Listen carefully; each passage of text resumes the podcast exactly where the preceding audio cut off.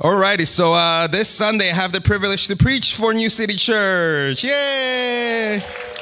I am. Uh, I'm very. I'm very. Um, uh, it's an honor every single Sunday I get to stand before y'all and and and be part of this community. You don't even know how much uh, is a blessing to be able to be part of a community like this, right? Like I, I, go around, I go around LA, and I always see my Korean folks with the Korean folks, and I see uh, black folks with black folks, and you know um, Latinos with Latinos, and we have people from uh, every, but they're all very. Um, in a way separated if you look at them if you go and you notice um, sometimes there's not much um, diversity within the communities. And just being part of a, a church a faith community that has so much diversity but also it's a place where we can all come together and acknowledge that we're all more messed up than we know uh, but also that god loves us. And our differences are something we celebrate yet we we continue to use it together as a community to enrich each other right? Uh, if you think about a puzzle you look at a puzzle uh, some puzzles are really crazy and you don't understand what the puzzle is about until the end right? But then those pieces come together and then you get this beautiful picture right? And those pieces are all so different. And so I, it's just a reminder for me personally that being able to be to participate in a community like this and then knowing that you all also share the same vision is beautiful. And it's such a blessing to be able to preach and share the word of god today with you all. So with that said let's pray real quick. Lord be with us as we hear your word spoken to us god. Um, god this message uh, is something that you have given in my heart but god we know that it's coming from you. And we pray that you might uh, speak to us. Um, in wherever we are in our lives right now. Let us be able to listen, hear, and receive your word. In Jesus' name we pray. Amen. Amen. So today we'll be talking about Elijah, and uh, I believe there's a picture of Elijah right there. This is what Wikipedia says that Elijah looks like. Um, so Elijah, he was a prophet who lived during the reign. I'm so sorry. Can somebody get me some water? Thank you. He was a prophet who lived during the reign of, of Israelite King Ahab, Ahaziah, and Jehoram. Uh, during the first half of the ninth century uh, BCE, uh, he was born in the village of Tishbe, Gilead, which is present Jordan. And his name meant, anybody knows? Elijah? What is his name? What is the meaning of his name? Extra points to whoever gets it? No? I'll give you a hug if you get it right. No? it means Yahweh is my God. Everybody say? Yahweh is my God. Amen. So that's the meaning of Elijah's name. Um, and God called him to prophesy uh, to King Ahab. Now, you have to understand who King Ahab is. Uh, Ahab was the seventh king of Israel, uh, the son and successor of King Omri, and the husband of Jezebel of Sidon. So we're going to look into 1 Kings uh, chapter 16, verse 29 to 33, and it explains a little bit about the backdrop of, of the situation. Uh, in the 38th year, let's all, uh, you, you, you all can help me together. Let's read together. One, two, three.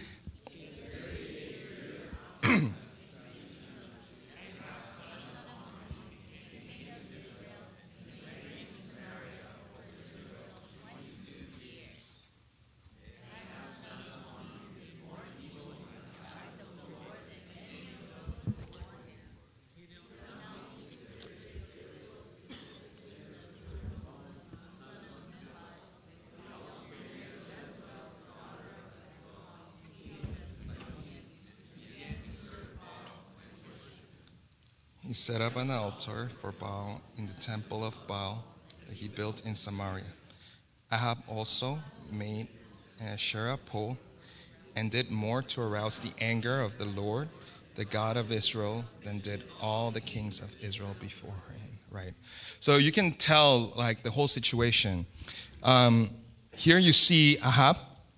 Uh, he was a king. He he's a seventh king, uh, but he he um, married Jeroboam, uh, I'm sorry, uh, Jezebel. And Jezebel um, was uh, believed in Baal, and also um, Ahab also started worshiping Baal, and it's known that he was one of the kings that God was not very happy with, uh, did a lot of evil. But um, Baal was the most popular of the Canaanites' gods and was believed to be the god of rain, thunder, and fertility. Uh, all those things were very important for that world, right? So you kind of understand why um, he was worshipped a lot. And uh, the worship of Baal was often associated with sexual immorality and other sinful practices, which were condemned by the Israelites. But it was very attractive. It's life. It's about um, all the things that are related with, with being able to live, but also fertility, but also sex, right? So there was a lot of reasons to, to worship, and it was and and and uh, King Ahab was in a moment where he started worshiping um, um, uh, Baal instead of God. And so to this person, right, Elijah is called to speak. And Elijah goes and he says, As the Lord God of Israel lives, whom I serve, there will be neither dew nor rain in the next few years except at my word. And so basically, it's saying there's not going to be any more rain. There's going to be a famine. There's, there's going to be nothing for you. And this were the words of God. And of course, um, there's a saying that says, don't kill the messenger. Uh, what, what is that? But, and, but usually people don't do that. and in this situation, once again, um, uh, you know, um, King Ahab was very angry uh, and he started to try to kill him. So God was the one who tells Elijah to retreat uh, to the Kerith ravine of East Jordan. And over there, when he gets there, he is supernaturally provided with water from a brook and food brought by ravens, right? Think about that. That is really, really cool. And as, brook, as the brook, um, which is a river, dries up because of the, uh, of the drought, God directs Elijah to uh, Zarephath in Sidon, where a widow will provide for him. So he goes to the gate, he arrives there, and there's a widow picking up uh, some of the sticks. And um, he arrives at the gate and he meets the widow and he says, Can you give me some water and some bread. And this is how she responds. I want you all to take a close look to this verse. It says, As surely as the Lord your God lives, she replied, I don't have any bread, only a handful of flour in a jar and a little olive oil in a jug. I'm gathering a few sticks to take home and make a meal for myself and my son, that we may eat it and die. So you, you understand how severe the situation and the famine was. Yet this stranger comes and says, Hey, actually feed me. I need some water. And, and like, because God told me. Um, and so she, you can tell she was at her limit. She was in, is in despair. She was just gathering sticks to just eat and just be done with life. She, she was about to give up. And um, she had no hope. So Elijah promises her um, verse 14, it says, For this is what the Lord God Israel says The jar of flour will not be used up, and the jug of oil will not run dry until the day the Lord sends rain on the land, right? And so um, he makes this promise, and God keeps this promise. And um, God provides for this woman and child who uh, were so uh, were able to provide for Elijah. Um, and this is a beautiful story up, up until this point because this widow and now is helping Elijah, and Elijah is in this widow's house, and um, he's, he's receiving the help that he needed, and he's hiding right from Ahab, so because he didn't want to be killed, and God told him to come here, so he was at the exact place that God called him to be. He did the exact things that God wanted him to do, and he was at the right place, and God had done everything for him. But remember, he was still in fear and he was still very afraid of his life. But then a tragedy happens. The child gets sick. And this is when the when the woman breaks. It's like like what is this? No, you like you came, I fed you, and God said that he would take care of us, and now my child is so sick and he dies. But like why did you come here? What are you doing here? Just think about how Elijah felt at that moment. It's like, oh my gosh. I just heard, I did what God told me, first of all. I went and I spoke to King Ahab and I told him about the famine. And then he, he's trying to kill me now. And I'm running away and I, I get, and I came to this house because God told me to come. And now this child is, is dead. And this mother is blaming me and God, you, for killing the child. So Elijah, like, just think about it. When you receive something from someone, you want to do the same for that person. Just think about how broken he was.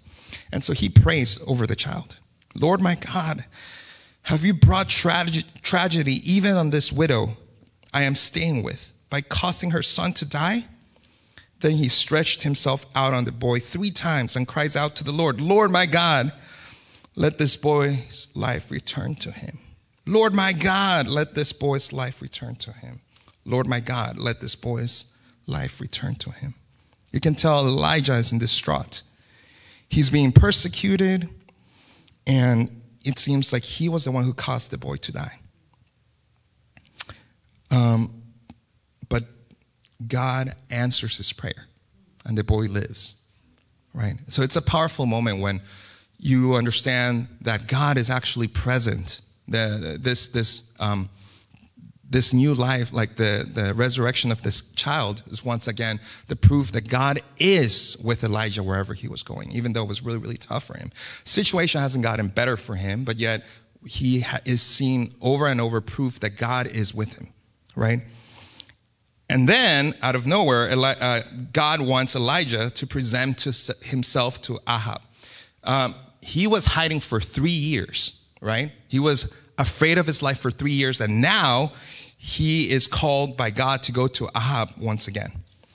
And he went there and challenged Ahab to bring all the 450 prophets of Baal.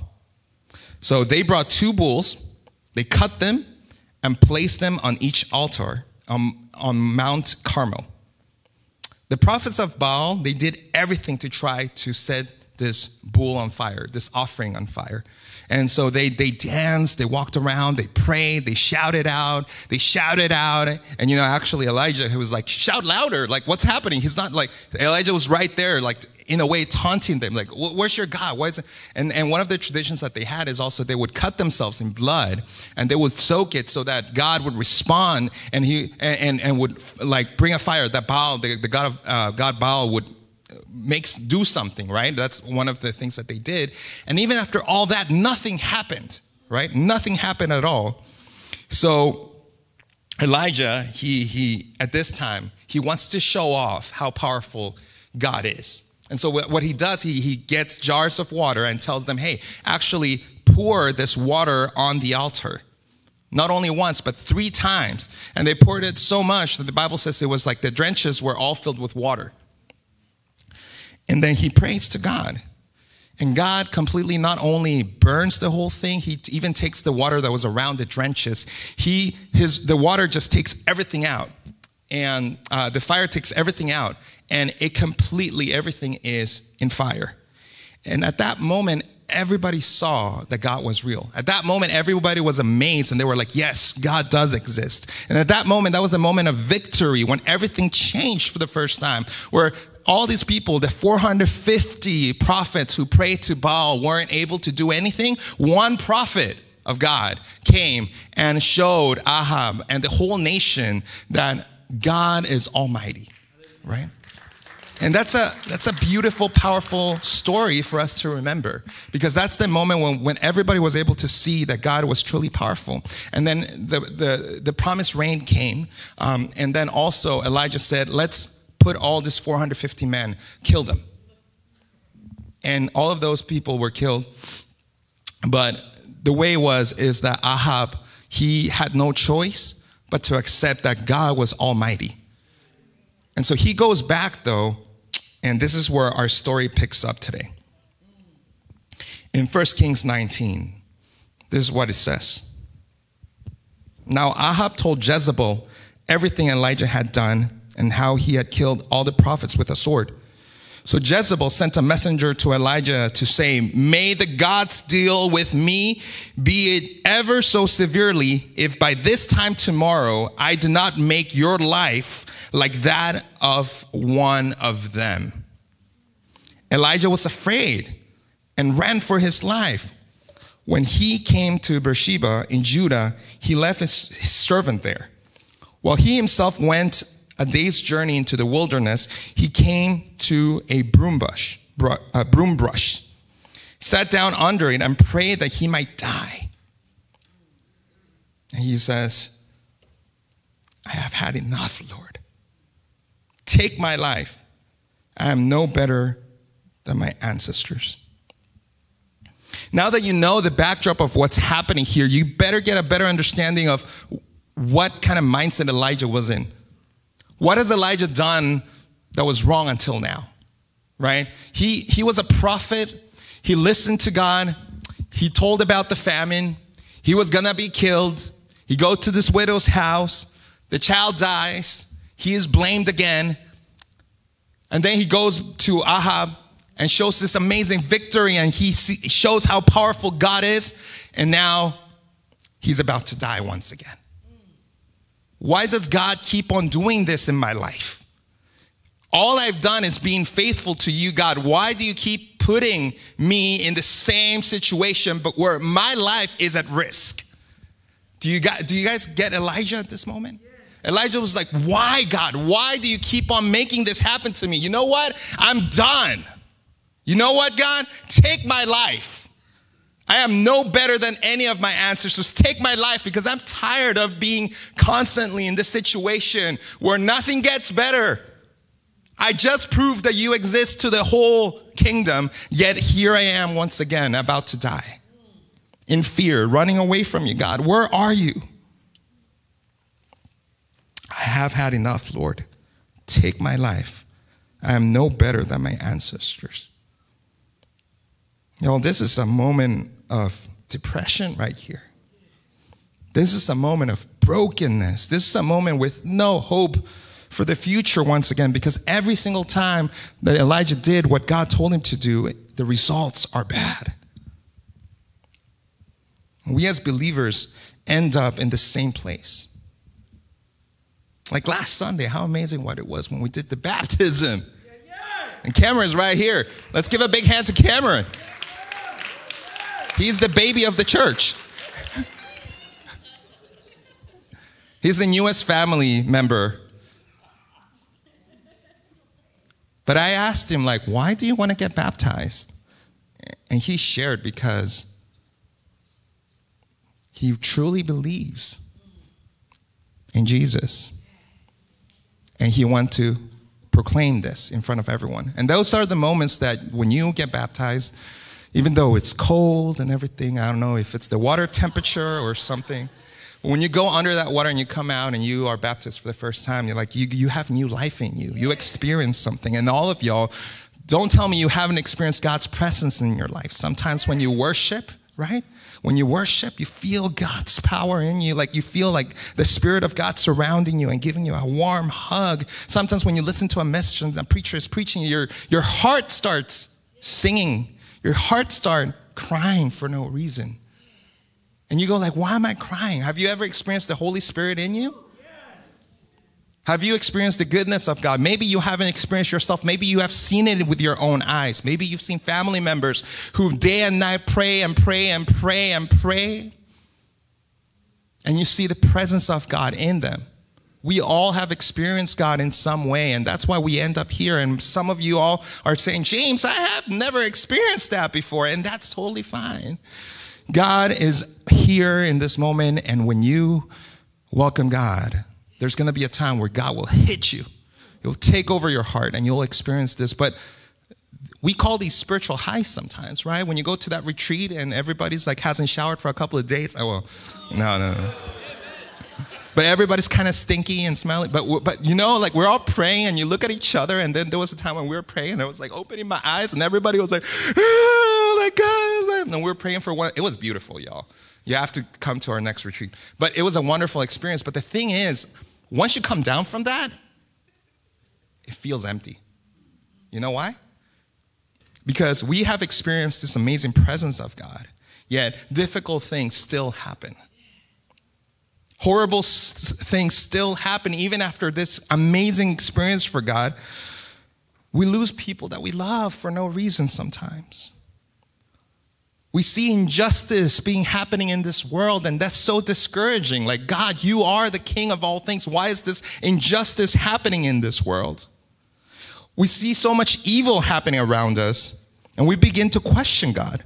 We begin to feel that God isn't present, and we begin to lose hope. Where is God in the midst of this pain? Where is God in the midst of this evil in this world? Why do horrible things keep on happening to me? I won't stand in front of you all and pretend that this has not happened to me because this has happened to me so many times.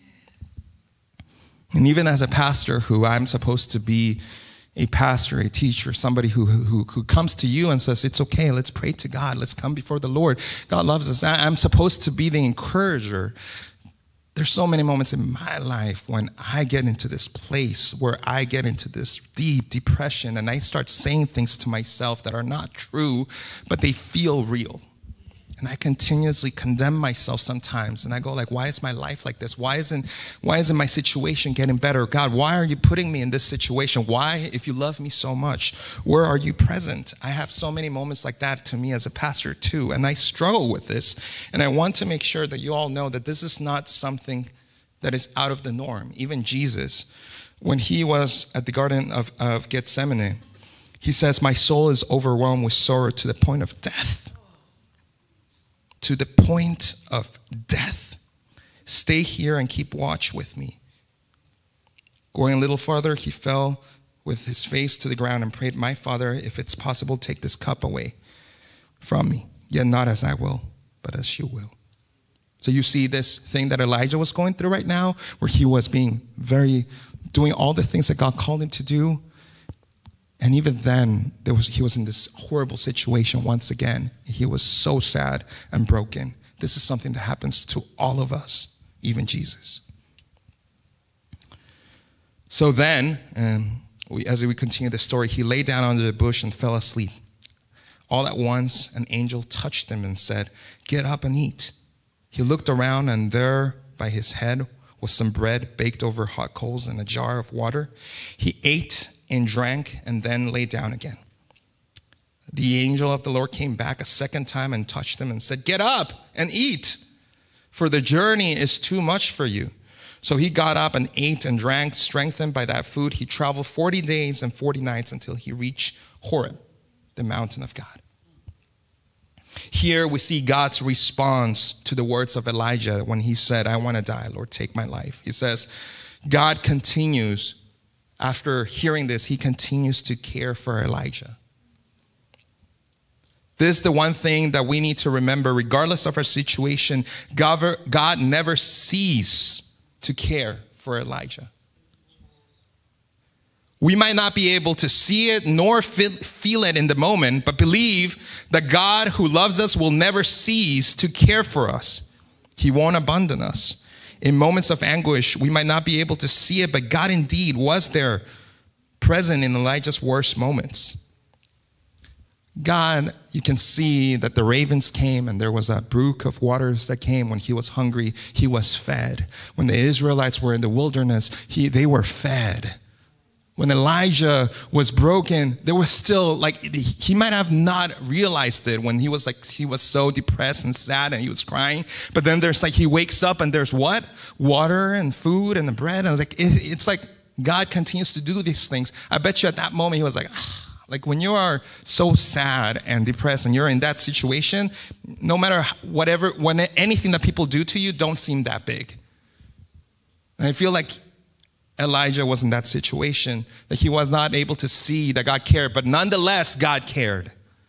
You see, you see over the whole scripture, God always cares. What's the first thing with Adam and Eve that God does? He clothes them.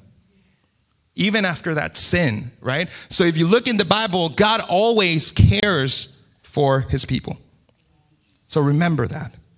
We might not be able to see it nor feel it at the moment, but God cares. The story continues. There he went into a cave, spent the night, and the word of the Lord came to him. And it says, What are you doing here, Elijah? He replied, I have been very zealous for the Lord God Almighty. The Israelites have rejected your covenant, torn down your altars, and put your prophet to death with the sword. I am the only one left. And now they're trying to kill me too. What he's saying is, God, I am alone here. Like I'm the only prophet left here who is continuously doing the things that you tell me to do, but why is everybody trying to kill me, God? I just showed the world. I had this amazing victory and I showed everybody that you are God, yet everybody's trying to still kill me. I am all alone. I'm the only one suffering. This is one of the things that happen when you fall into deep depression. What happens is you start believing that you are the only one who is in this worst situation, and you don't start. You can't see anybody around you because you're so deep in your sorrow. And one of the things that I've learned is that, that those words are not true, yet they feel true at that moment. And this is what Elijah's going through right now. I'm alone. I'm the only one suffering. I'm the only prophet left. These words were repeated over and over again. And so when God called Elijah, this is how he responded. The story continues. The Lord said, Go out and stand on the mountain in the presence of the Lord, for the Lord is about to pass by. Then a great and powerful wind tore the mountains apart and shattered the rocks before the Lord. But the Lord was not in the wind. After the wind, there was an earthquake, but the Lord was not in the earthquake. After the earthquake came a fire, but the Lord was not in the fire. And after the fire came a gentle whisper. When Elijah heard it, he pulled his cloak over his face and went out to st- and stood at the mouth of the cave. Then a voice said to him, What are you doing here, Elijah? He replied, I have been very zealous for the Lord God Almighty. The Israelites have rejected your covenant, torn down your altars, and put your prophets to death with the sword.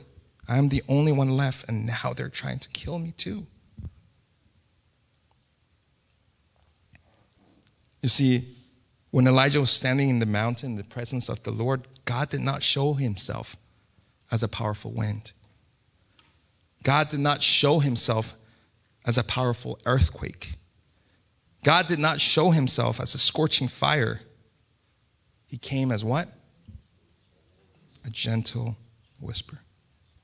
This is something we need to notice because so many times want to see our powerful, almighty God.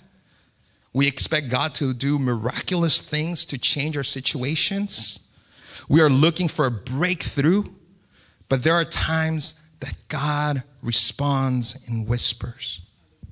And I'm telling you, these are disappointing moments because we feel God is not present with us. Because we feel like God has ab- abandoned us and He is not listening to our prayers. Because we're always expecting to always come, for God to always come as fire, as earthquake, as wind. We want God to overtake all our problems and get rid of all of them and for us to have life, like to be like God. When we pray, we want to see God doing things right away and ch- making changes and God listening to our prayers. And there are times when God does that. There are times that God heals and is powerful and almighty and does amazing things in the spot. So that's why we believe in prayer. Like on Sundays, when you come over and people pray over you, we believe that God is present in those moments. But at the same time, there are times that God comes in whispers. And those whispers are not less powerful than those amazing, powerful moments that you feel the Holy Spirit. Whispers can be very powerful too. But the thing about whispers, y'all, is that you need to be silent to be able to hear whispers. You can't be shouting like I'm shouting throughout the whole sermon. You have to be quiet and still. In Psalms, Psalm 46, verse 10, everybody knows this, right? He says, Be still and know that I'm God.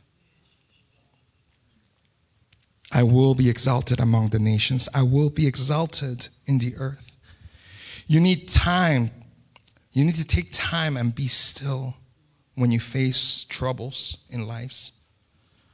We let our thoughts and emotions take over us. We keep on thinking about ways to overcome our problems. We keep meditating our struggles. But I think the reason why God made Elijah travel for how many days? 40 days and 40 nights was to practice of being still in the Lord to take a moment to stop himself from letting his worries overtake him and allowing the space for God to speak. This is why I believe God came as a whisper when he was quiet enough to listen to God's plan. And he was able to hear how God was going to redeem it. He needed to be silent in order to do that. You know, the tendency for us as Christians is supernatural God, power, Almighty God. Our God is awesome. God, He reigns. So we want victory. We want to, and churches have preached about victorious God. Like, yes, God. But the more I live life, I realize that there are moments that God is like this, but there are moments when it's not like that. There are moments where you cannot be like victory. No, there are moments where you're like, what? You were there? You loved me? You were walking with me? And it all happens later on. And you turn around, and you start seeing how God has been with you. But it's not, it's a whisper sometimes. It's not a cry. You're victorious. That is true. Let's continue to do that. And let's continue to worship and say, God, you're victorious. But at the same time, let's open our eyes be still and listen and see how God is working right now in the midst of your life. Even though you cannot feel it or you cannot see it, don't forget that He is whispering to you and He is working in your life deeply in a way that what touches you and works in your life. You might not feel it, you might, you might not see it, but God's whispers are going to continue to happen until you're quiet enough to hear and listen. Amen. So the story continues. God, so Elijah went from there and found Elisha, son of Shaphat.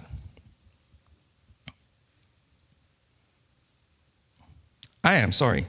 The Lord said to him in verse 15, the Lord said to him, Go back the way you came and go to the desert of Damascus. When you get there, anoint Hazael, king over Aram. Also anoint Jehu, son of Nimshi, king over Israel, and anoint Elisha, son of Shaphat, from Abel Meholah, to succeed you as prophet. Jehu will put to death any who escapes the sword of Hazael, and Elisha will put to death any who escaped the sword of Jehu.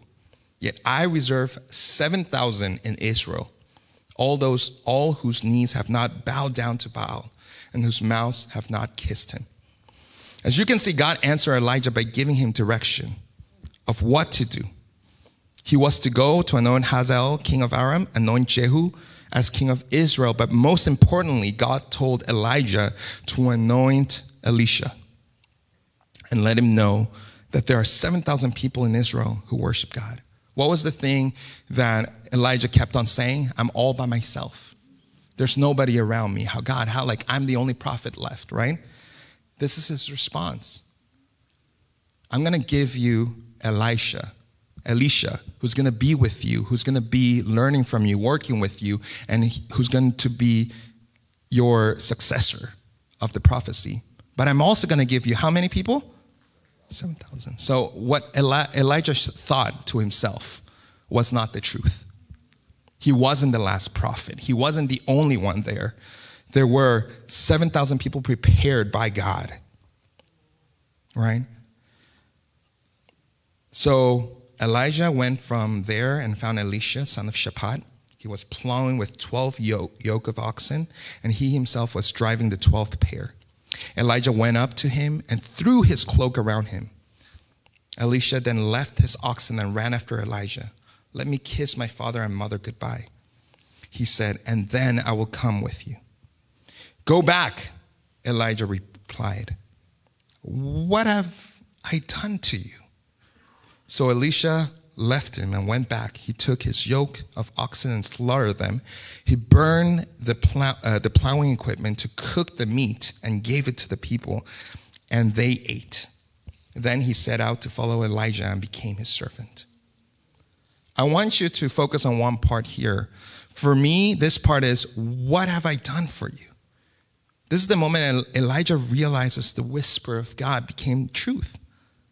You see, Elijah went to Elisha And he just did every single thing that God tells him to do as he has done before, and he just does it. But then Elisha goes above and beyond, right? It's like when you're nice to somebody and that person's like, have you experienced that before? It's probably like, what? Why are you so nice to me? I just gave you this little thing. I just did what God told me to do. And he does that. But Elisha's ready for this, y'all. Like Elisha, he has 12 oxen. This is not no, no little thing. You know how expensive oxes are? Especially at that time. Especially during like this time post famine times, right? But he let all of those oxens, he took the equipment. What did he do with the equipment? He burned it and made it as kindle to cook the meat and shared it to everyone and said goodbye and kissed goodbye to his parents. He was ready to give everything out and said, Okay, I'm going to follow you. And so this is a powerful message because this is the moment when this whisper was the realization oh, shoot, that whisper wasn't just a whisper. That's like, it's so powerful. That's the moment of realization that God, when He said, You're not going to be by yourself, He answered that response when He was saying, I am all lonely. I'm by myself. There's no other prophets here. There's nobody around me. I'm by myself. I'm by myself. God says, No, you're not. But He didn't work through fire or wind, or He didn't like change and came to this world and said, Okay, aha, you're done. He didn't do any of that. He didn't come and intervene the whole thing and change the whole history by himself. Instead, he said, You know what? You're telling me that you're by yourself. Let me give you what you need. Let me fill you what you need. And when he meets Elisha, and Elisha goes above and beyond and says, I'm going to follow you. That's God responding to a whisper. Amen.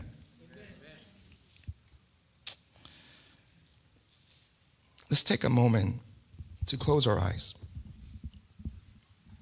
to ask the worship team to come forward too.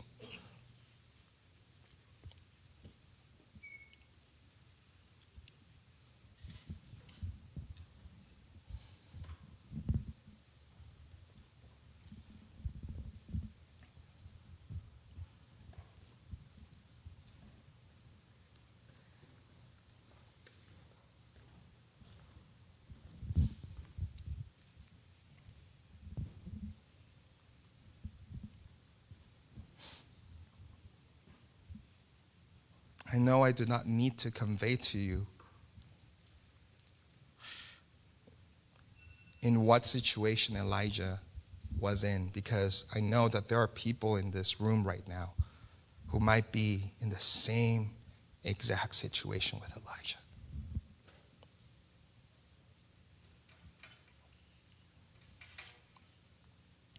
Some of us have experienced God in a deep, deep way. We have given our lives to Christ. But even then, it seems that not many things have changed. Some of us are going through this deep, deep depression that we're talking about here in today's scripture. And we cry out to God. God, I'm all by myself. It seems that there's nobody who understands me, who gets me, who knows what kind of situation I'm in. God, I know that you're there. I know that you love me, yet my current situation seems hopeless, Lord.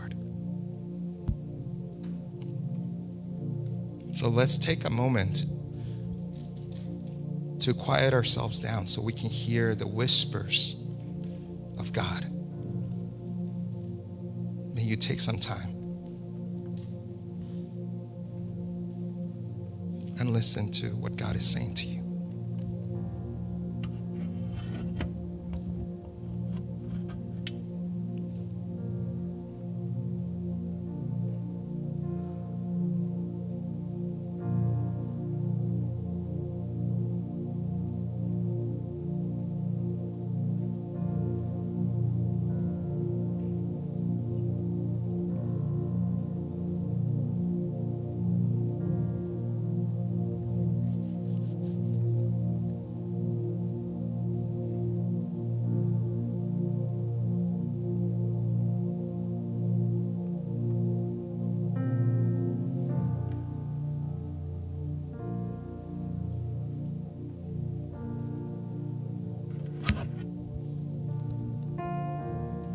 Remember, God never stopped caring for Elijah. The first time, he provided him with food, water. He went to the widow, he was provided miraculously with food and water. And even the last time when he was escaping Ahab, he was provided once again food and water. This shows how much God cares. And we might not be able to see it right now, but God has never stopped caring and providing for us. Amen. Do not forget that. But also learn how to be still. Lord, we pray that we as a church might be able to learn how to stay quiet and allow space for you to speaking to us. Let us be able to listen and hear your whispers of love. Let us be able to come before you, God, and allow you to speak to us. For we know, Lord, you listen to our prayers, even in moments when we feel that we want to give up lives, Lord. You have not given up on us. So, Lord, we thank you for this message. Let us be able to day by day listen to your whispers of love. In Jesus' name we pray.